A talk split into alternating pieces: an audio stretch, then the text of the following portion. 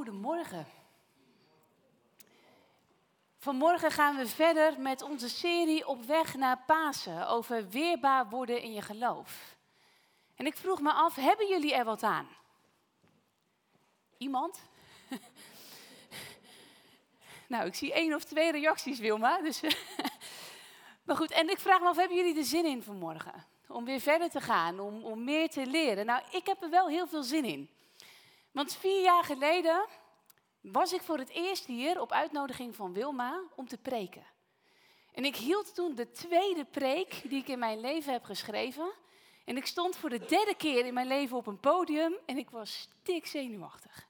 Ik had nog nooit zo'n groot podium meegemaakt met camera's en een klok en van alles en nog wat. Maar nu is dit mijn eigen gemeente en voel ik me thuis. Maar die preek toen ging over Colossense 2. Precies dezelfde versen. En vandaag mag ik gewoon nog een keer. Yes! Dat vind ik helemaal niet erg, want ik houd enorm van de Colossensebrief. En dit is een brief waar ik echt heel vaak steeds weer naar terugkeer. En ik heb voor deze serie een nieuwe preek met een ander accent geschreven. Maar ik ga wel beginnen met hetzelfde voorbeeld als vier jaar geleden. Zijn jullie bekend met het mama-appelsap-fenomeen? Het was een hilarisch programma bij 3FM, waarin luisteraars Nederlandstalige teksten in Engelstalige liedjes horen. En zo heb je bijvoorbeeld een geweldig nummer van Coldplay, Fix You. En daar zingen ze in, And ignite my bones. Maar dat klinkt als, en dit maakt je boos. En als je dat er eenmaal in hoort, is het echt heel gek, maar dan kun je gewoon niet meer de originele tekst horen. En is dat lied of zo op een of andere manier gelijk verpest.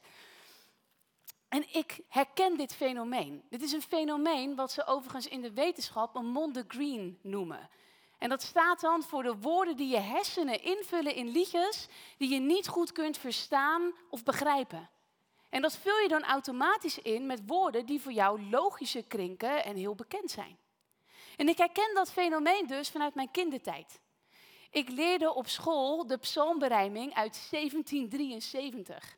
En ik had als vierjarig kind soms gewoon geen flauw idee waar die woorden over gingen. Dat, dat was voor mij taal uit een andere wereld. En omdat je dan nog niet kunt lezen en je leert door te horen, ja, dan, en je begrijpt niet wat er gezegd wordt, dan ga je dus automatisch woorden invullen. En zo zong ik als klein meisje over gansje Jeruzalem. En niet over gans Jeruzalem. En ik was ervan overtuigd dat er twee psalmen waren die over een meisje gingen wat Heidi heette. Want we zongen zalig Heidi in dit leven. En Heidi door de nood gedreven. En ik kreeg met mijn zus altijd een slappe lach als we in de kerk ik sla dogen naar het gebergte heen zongen. Omdat we iemand kenden die dogen heette. En zo'n moeder, zo'n dochter, toen Emma eh, naar de basisschool ging, ze was toen ook vier, toen moest ze naar een eh, SBO. En in Barendrecht was er alleen een reformatorische SBO waar ze, je raadt het al, ook de psalmen van 1773 leerden. En trots wilde ze voor Stefan en mij de allereerste psalm zingen die ze op school had geleerd. En ze zong vol overtuiging, opent uw mond, ijsthee voor mijn moeder. In plaats van eist van mij vrijmoedig.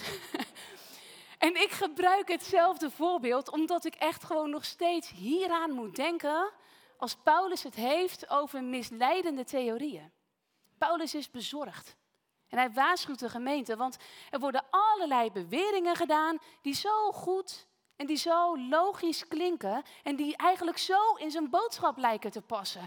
Maar het zijn niet zijn woorden, ze zijn schadelijk, omdat ze niet Jezus en wat hij leert als fundament hebben.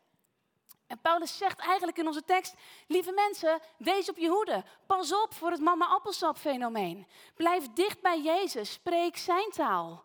Want die holle en meeslepende theorieën die je dag in en dag uit in de wereld hoort, die proberen zich voortdurend tussen en in de woorden van God te projecteren. En dan ga je die horen, maar dat is heel gevaarlijk. Gaan jullie met me mee naar Colossense 2? We beginnen bij vers 6 en we lezen dan verder vanaf vers 16.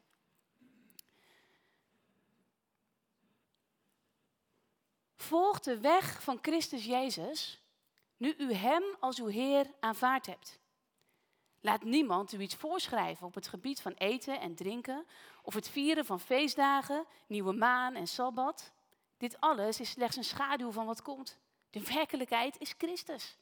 Laat u niet veroordelen door mensen die opgaan in zelfvernedering en engelenverering, die zich verdiepen in visioenen of zich laten voorstaan op hun eigen bedenksels. Zulke mensen richten zich niet naar het hoofd, van waaruit God het hele lichaam door gewrichtsbanden en pezen ondersteunt en bijeengehouden doet groeien.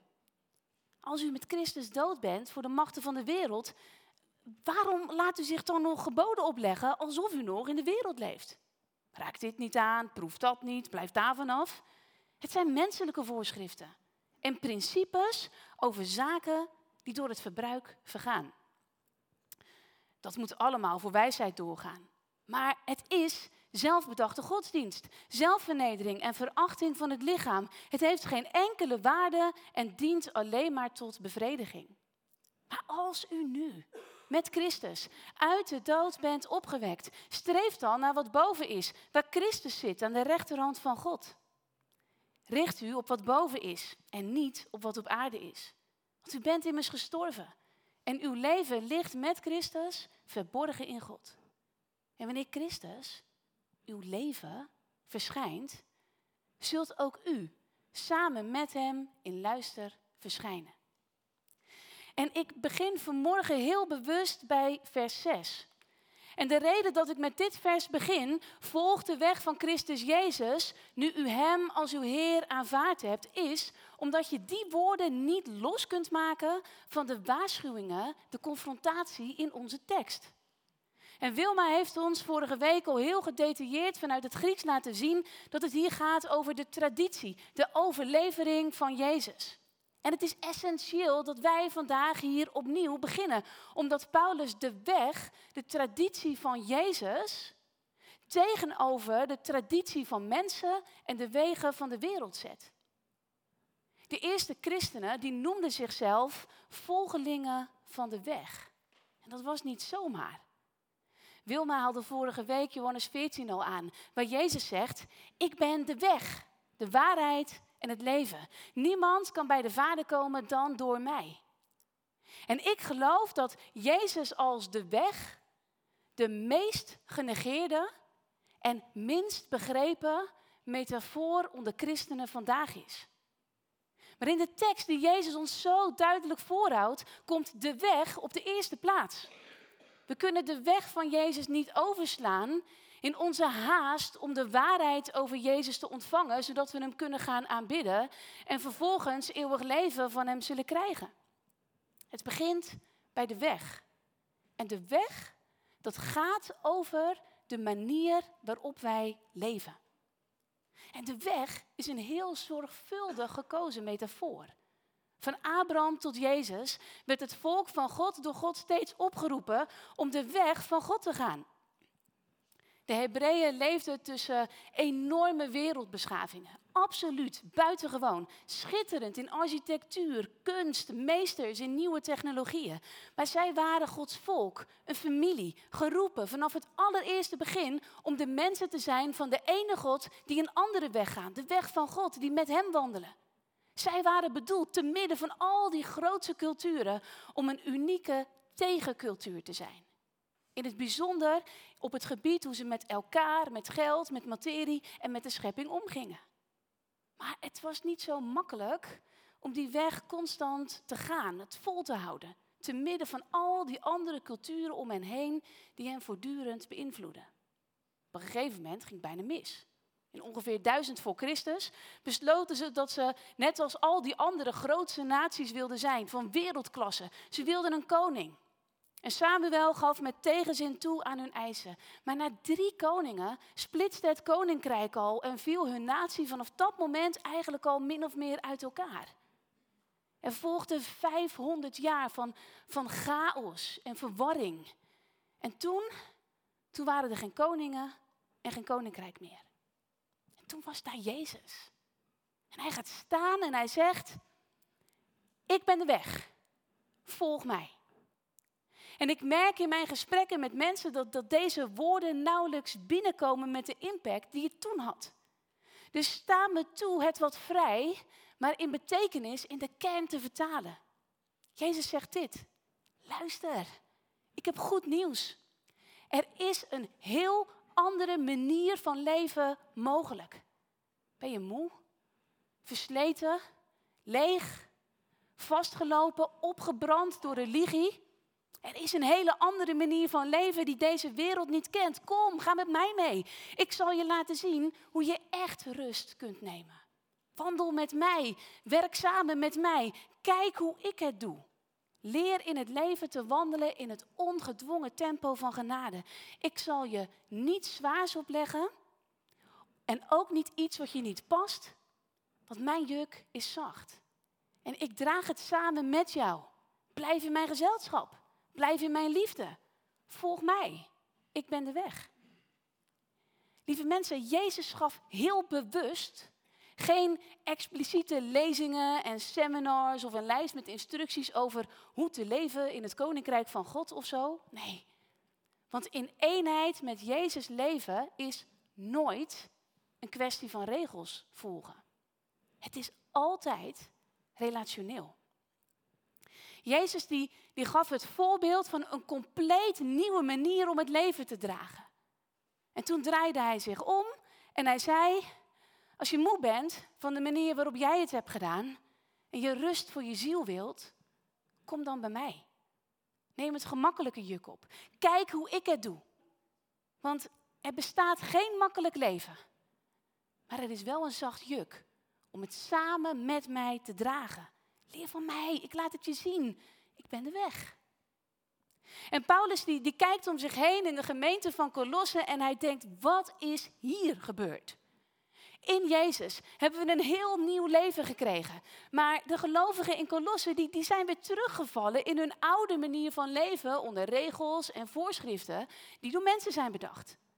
En nog veel erger, er zijn nauwelijks verschillen te zien met hoe zij als volgelingen van de weg die Jezus toebehoren in deze wereld leven en hoe mensen in de wereld leven. Het is alsof ze Jezus wel als Heer hebben aanvaard, maar nu weer in zijn achteruit zijn gezet. En weer van de weg van Jezus aan het afrijden zijn. Nou, wat, wat is er nu concreet aan de hand? Wat is in onze tekst nu die valse leer? Nou, wat Jezus voor ons heeft gedaan, dat, dat wordt in die valse leer vervangen door twee dingen. Eén, regels die je strikt uitvoert, met name op het gebied van eten en drinken en het vieren van bijzondere dagen. En twee, er is een nieuwe focus in aanbidding gekomen.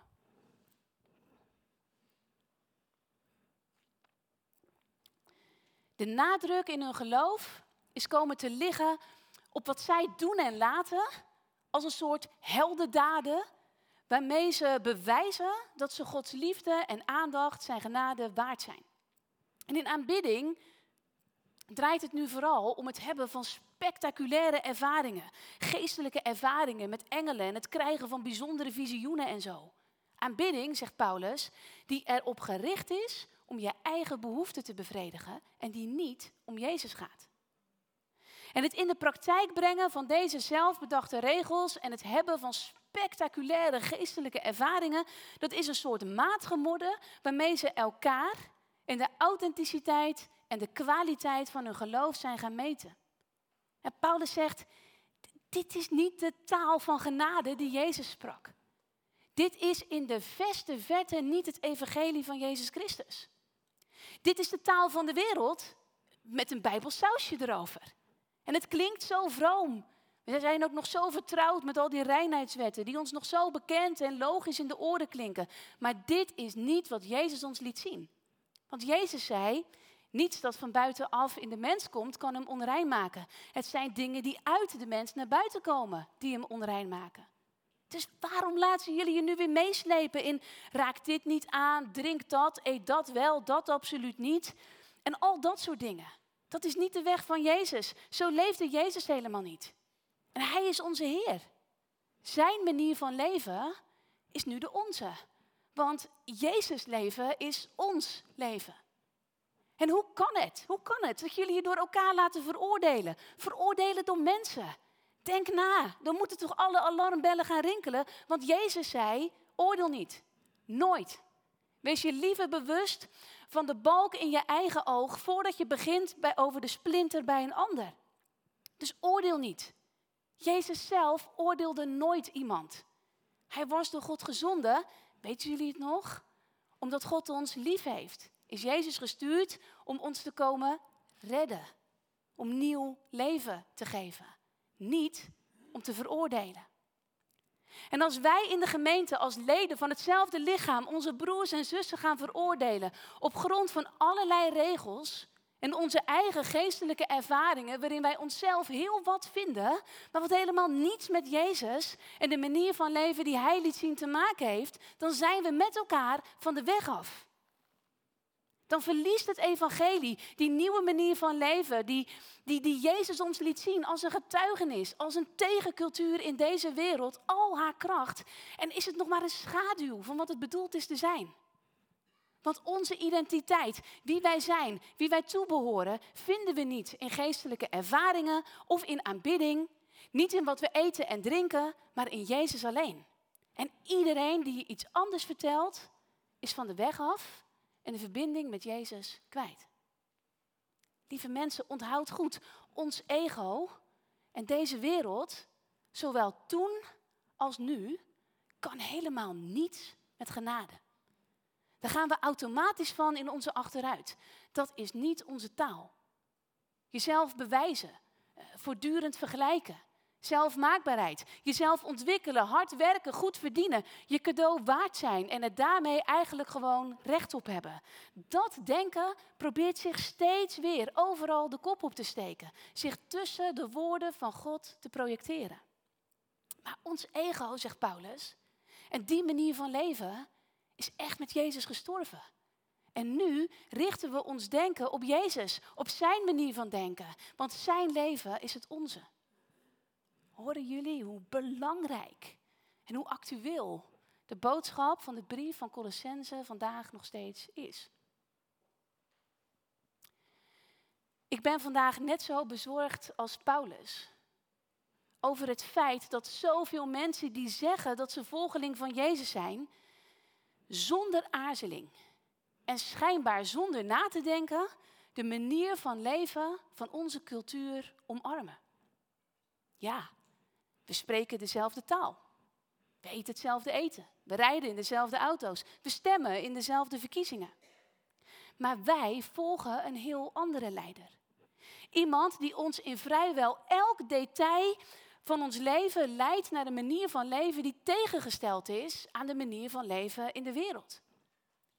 En als, als wij, behalve dat we op zondag wel eens naar de kerk gaan, als er eigenlijk tussen onze levens en de levens van mensen in de wereld nauwelijks verschillen te zien zijn, dan kun je er zeker van zijn dat je naar zijn achteruit hebt geschakeld.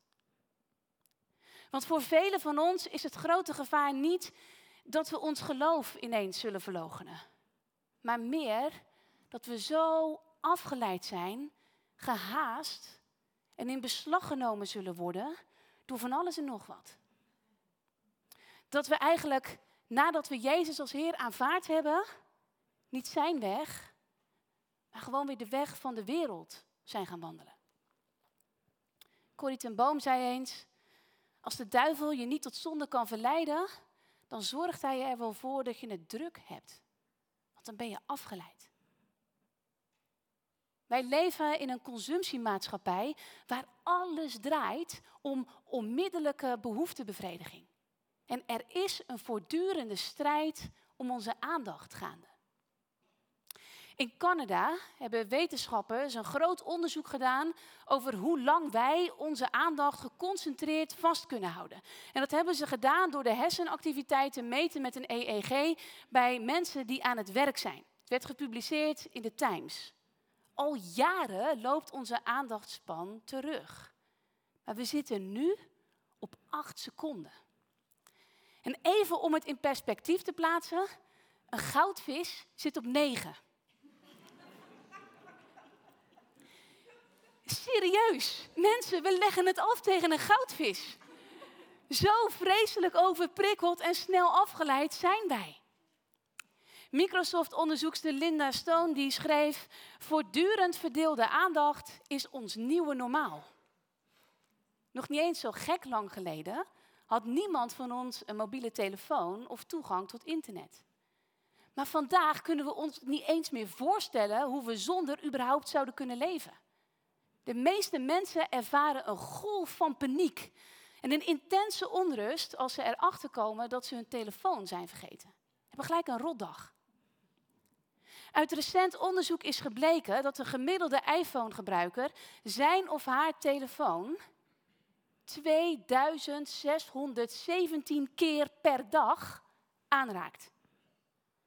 75% van de mensen heeft een telefoon op het nachtkastje liggen. En het eerste wat zij doen zodra ze wakker worden is berichten, mails, socials en het nieuws checken. Er zijn nauwelijks nog momenten van rust voor ons brein, voor onze ziel. En onderzoek toont aan dat alleen al in dezelfde ruimte zijn als onze telefoons, zelfs als ze uitgeschakeld zijn, iemands werkgeheugen, creativiteit, probleemoplossing en al dat soort vermogens ernstig vermindert. Vertaling, ze maken ons dommer omdat we niet meer nadenken, maar alles gelijk aan Google vragen. Hoe lang moet broccoli koken? Uh, leuk knutselidee voor kind van zes. Uh, welke serie moet ik echt gezien hebben? Ik heb één uur. Dat. Verzin het niet, hè? We kijken gemiddeld vijf uur per dag naar tv, streamingdiensten en YouTube. En daar komt social media en Candy Crush nog bij. Toen Reed Hastings, een CEO van Netflix, in een interview gevraagd werd wie hij nu als de grootste concurrent ziet met de opkomst van zoveel streamingdiensten, hoefde hij niet lang na te denken. Hij keek recht in de camera en hij zei gewoon gelijk: slaap. Dat is de grootste concurrent. En Sean Parker, wel eens van gehoord? Hij was de eerste directeur van Facebook. En hij gaf een interview waarin hij zei: Alleen God weet wat hij doet met de hersenen van onze kinderen. Het denkproces dat nodig is om social media applicaties te bouwen, waarvan Facebook een van de eerste was, gaat over hoe verbruiken we zoveel mogelijk van je bewuste aandacht en tijd. Het antwoord is simpel. Door je dopamine een gevoel van behoeftebevrediging te geven, lijken en gelijkt worden. Want bewuste aandacht levert ons miljarden op. Maar lieve mensen, steeds meer jongeren komen bij een psycholoog met ernstige burn-out verschijnselen, omdat ze lijden aan hashtag FOMO, fear of missing out. Want hashtag YOLO, you only live once. Ze durven geen nee te zeggen. Ze willen alles wat op hen afkomt zien en meemaken uit de angst dat ze anders niet mee kunnen praten met hun vrienden en hierdoor erkenning, bevestiging en bijzondere ervaringen mislopen. En wij zijn zo beïnvloed allemaal door deze cultuur, door deze manier van denken, dat het de kerk is ingespoeld. Het duurde niet lang of we zijn ook consumentengemeente gaan ontwikkelen. Want de snelste en meest effectieve manier om mensen in je gemeente te krijgen en houden, is door uit te zoeken wat ze nou precies willen hebben en ze dat bieden. Hun fantasieën, hun behoeftes bevredigen. En we zijn het evangelie in consumententermen gaan herformuleren. Entertainment, de grote podiumshow, voldoening, opwinding, avontuur, ervaring, probleemoplossing, you name it, wat dan ook. Dit is de taal namelijk waar wij mee opgroeien. De taal die wij begrijpen, die we dag in dag uit horen. De taal die wij zelf zo makkelijk in het evangelie van Jezus zijn gaan projecteren. Er is alleen één probleem.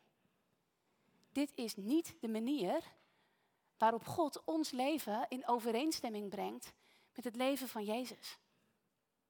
Dit is niet de manier waarop wij minder worden en Jezus meer wordt.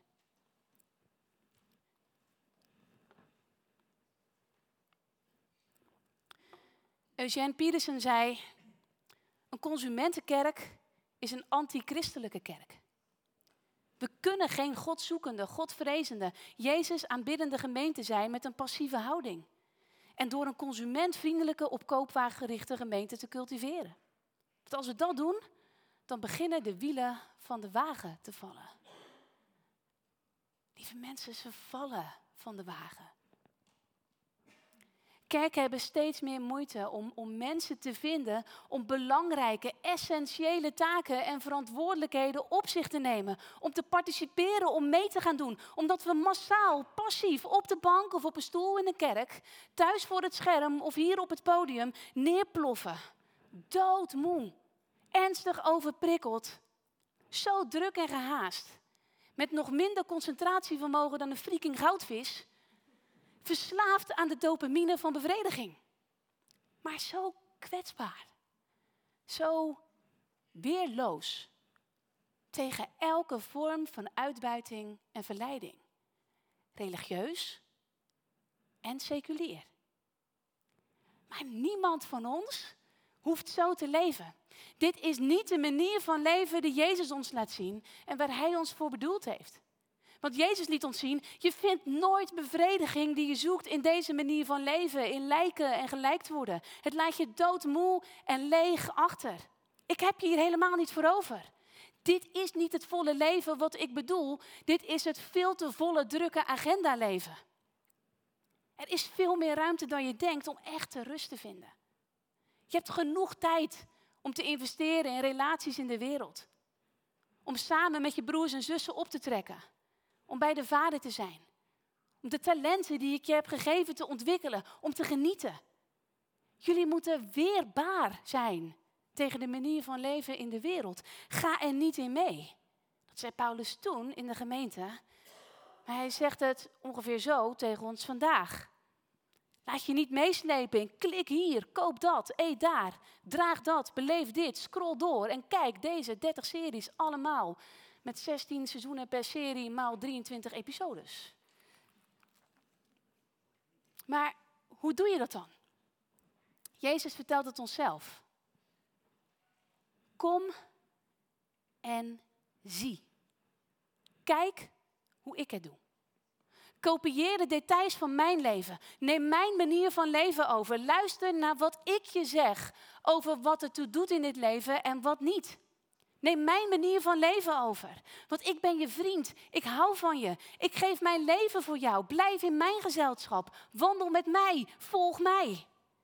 En Paulus geeft ons heel praktisch advies. Hij zegt één hoofdstuk verder: laat de woorden van Jezus rijkelijk in je wonen. En in een andere brief zegt hij het zo: houd je vast aan het woord dat leven geeft. Want dat is de enige manier om de weg van Jezus te gaan. Om te leren leven zoals Jezus leefde. Maar het is ook de enige manier om weerbaar te zijn in je geloof. En om direct te kunnen onderscheiden wat niet als Jezus klinkt, omdat je de taal van Jezus spreekt en overal direct herkent. Het beste advies wat ik in mijn leven heb gekregen was toen ik nog maar een jonge tiener was. Het was, Naast alles wat je leest, lees de komende tien jaar dagelijks de evangeliën. Ik ben nooit gestopt. Lieve mensen, ik verzeker je, als we leren om dagelijks met Jezus om te gaan, dan stapt hij uit de bladzijde van het evangelie en dan wordt Jezus een levende realiteit, een bekrachtigende aanwezigheid in je leven, want Jezus leeft. Stap voor stap leidt hij ons naar de volheid van het leven. Die verbazingwekkende belofte van het evangelie. En dan ontdekken we dat er echt een heel ander leven mogelijk is. Lees de evangelie zoals je biografieën leest. Observeer zijn gewoontes en leer van hem. Neem die over. Hoe ging Jezus om met verwachtingen en stress? Hoe bad hij? Hoe ging hij om met verleiding? Hoe ging hij om met pijn en teleurstellingen? Hoe zag trouwens zijn vriendenkring eruit? In wie en hoe investeerde Jezus zijn tijd? Welke concrete opdrachten geeft hij ons dan? Waarbij hij zegt, ga dit doen. En, en, en wat zijn zijn beloftes? Wat belooft hij ons? Pak eens een journal, schrijf ze allemaal onder elkaar op en leg dat eens op je nachtkastje en lees daar elke morgen een paar beloftes van als je je ogen open doet. Ik verzeker je, je zult je dag heel anders beginnen. Leef in de evangeliën. Kruip in de verhalen. Denk erover na. Spreek er met Jezus over. Vraag Jezus in jou om zijn woord aan je uit te leggen, om jou erdoor te vormen. Want als we zo vertrouwd raken met Jezus, dan krijgt hij steeds meer gestalte in ons. Wat moeilijk is, is niet Jezus volgen. Wat moeilijk is, is jezelf volgen. Je leven leven op je eigen manier onder invloed van deze cultuur en wereld. Daarin ligt de weg van uitputting. Gods woord roept ons op om onze tijd die we hebben gekregen, onze aandacht wijs te besteden. Nou, ik vond zelf deze revisit aan Colossense 2 voor mij bezig zijn met de tekst en de preek enorm confronterend. Maar onze tekst is ook appellerend en confronterend bedoeld. Zie je hoe belangrijk het is om steeds terug te keren naar deze brief en te checken of we de woorden van Jezus nog horen. Of dat we eigen bedenksels en misleidende theorieën uit de wereld er zelf in zijn gaan horen. Even een check of je nog op de weg van Jezus bent. Of dat je leeft alsof je van de wereld bent. En als je mij een beetje kent, dan weet je dat ik naast een enorme boekennerd ook een enorme Apple-freak ben. Ik ben gek op nieuwe gadgets, op coole apps. Ik heb een enorme passie voor communicatie. En ik geloof dat daar niets mis mee is. Daar, daar mag ik ook van genieten. Ik, ik hou van nieuwste moderne technologieën. Maar ik besef wel weer opnieuw, ik ben, zoals wij allemaal, een kwetsbaar mens. Gevoelig voor afleiding. En ik val geheid voor de verleiding voor een dopamine rush in ruil voor wat aandacht. Maar Jezus is mijn Heer. Hij is al mijn aandacht, een ander woord voor aandacht is mijn aanbidding waard. En ik wil opnieuw en opnieuw mijn blik, mijn aandacht gericht hebben op Jezus, de grondlegger en voltooier van ons geloof. En ik, ik weet niet hoe jullie erover denken, maar ik wil echt die goudvis weer inhalen. Ik wil met onverdeelde aandacht leven. Echt aanwezig zijn in het moment zoals Jezus. Mijn leven leven op de Jezus manier. En ik ben nu al meer wereldvreemd, omdat ik sinds kort mijn e-mail, nieuws en social apps van mijn telefoon heb gehaald en alle berichtmeldingen heb uitgezet. Op vaste tijden kijk ik nu of ik een bericht heb. Nou, kan je zeggen, het is serieus afkicken voor een millennial als ik bizar hoe vaak ik mijn telefoon pak uit gewoonte. En er dan achter kom, ik heb eigenlijk niets te scrollen. Maar ik ervaar nu, na bijna twee weken, al meer rust en iets meer focus. Leven in eenheid met Jezus, zoals Wilma het zei, is de weg van Jezus gaan als een unieke tegencultuur. Want wij spreken Jezus in deze wereld. En Jezus spreken, dat betekent niet dat je overal waar je komt de naam van Jezus een paar keer uitroept alsof het een magische, krachtige volume is of zo. Totaal niet. Jezus spreken betekent meer dat je een andere taal hebt leren spreken, zoals uh, Engels of Duits. Maar nu spreken wij Jezus. En dat is een taal die deze wereld niet kent. Een taal van onvoorwaardelijke liefde en genade. Jezus spreken betekent dat je zo in eenheid met Jezus leeft, dat je als Jezus leeft. Dat we zijn lichaam op aarde zijn. Dat het voor mensen is alsof ze Jezus zelf hier nog in hun midden hebben. Dat ze Jezus zelf door ons heen ontmoeten.